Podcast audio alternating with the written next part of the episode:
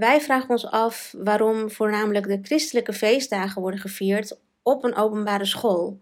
En of het niet leuker zou zijn om de keuze te maken om bijvoorbeeld uh, of alle feestdagen te vieren, of daar in mindere mate aandacht aan te besteden.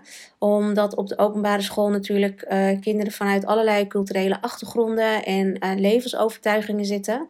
En het ook heel leuk zou zijn voor iedereen als kinderen ook meer zouden leren over bijvoorbeeld Diwali of het suikerfeest en de Ramadan. Dat denk ik ook. En niet alleen um, dat het is om daarover te leren, maar ook vooral dat leerlingen, want de samenstelling in klassen is vaak divers, zich ook uh, vertegenwoordigd voelen.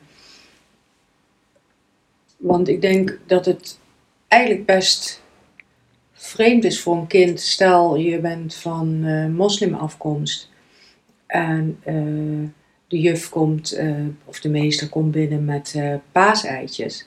Nou, is dat op zich niet vreemd, maar dat als er dan een groot feest is, zoals het suikerfeest, dat er dan helemaal niets speciaals door de juf of meester wordt gezegd. Niks van vrolijk uh, Ramadanfeest of uh, dat er een uiting wat specifiek bij het Ramadanfeest hoort op het bureautje staat of aan de wand hangt. Terwijl we met paas natuurlijk groot eieren ophangen of met kerst, kerstbomen en lichtjes naar binnen halen.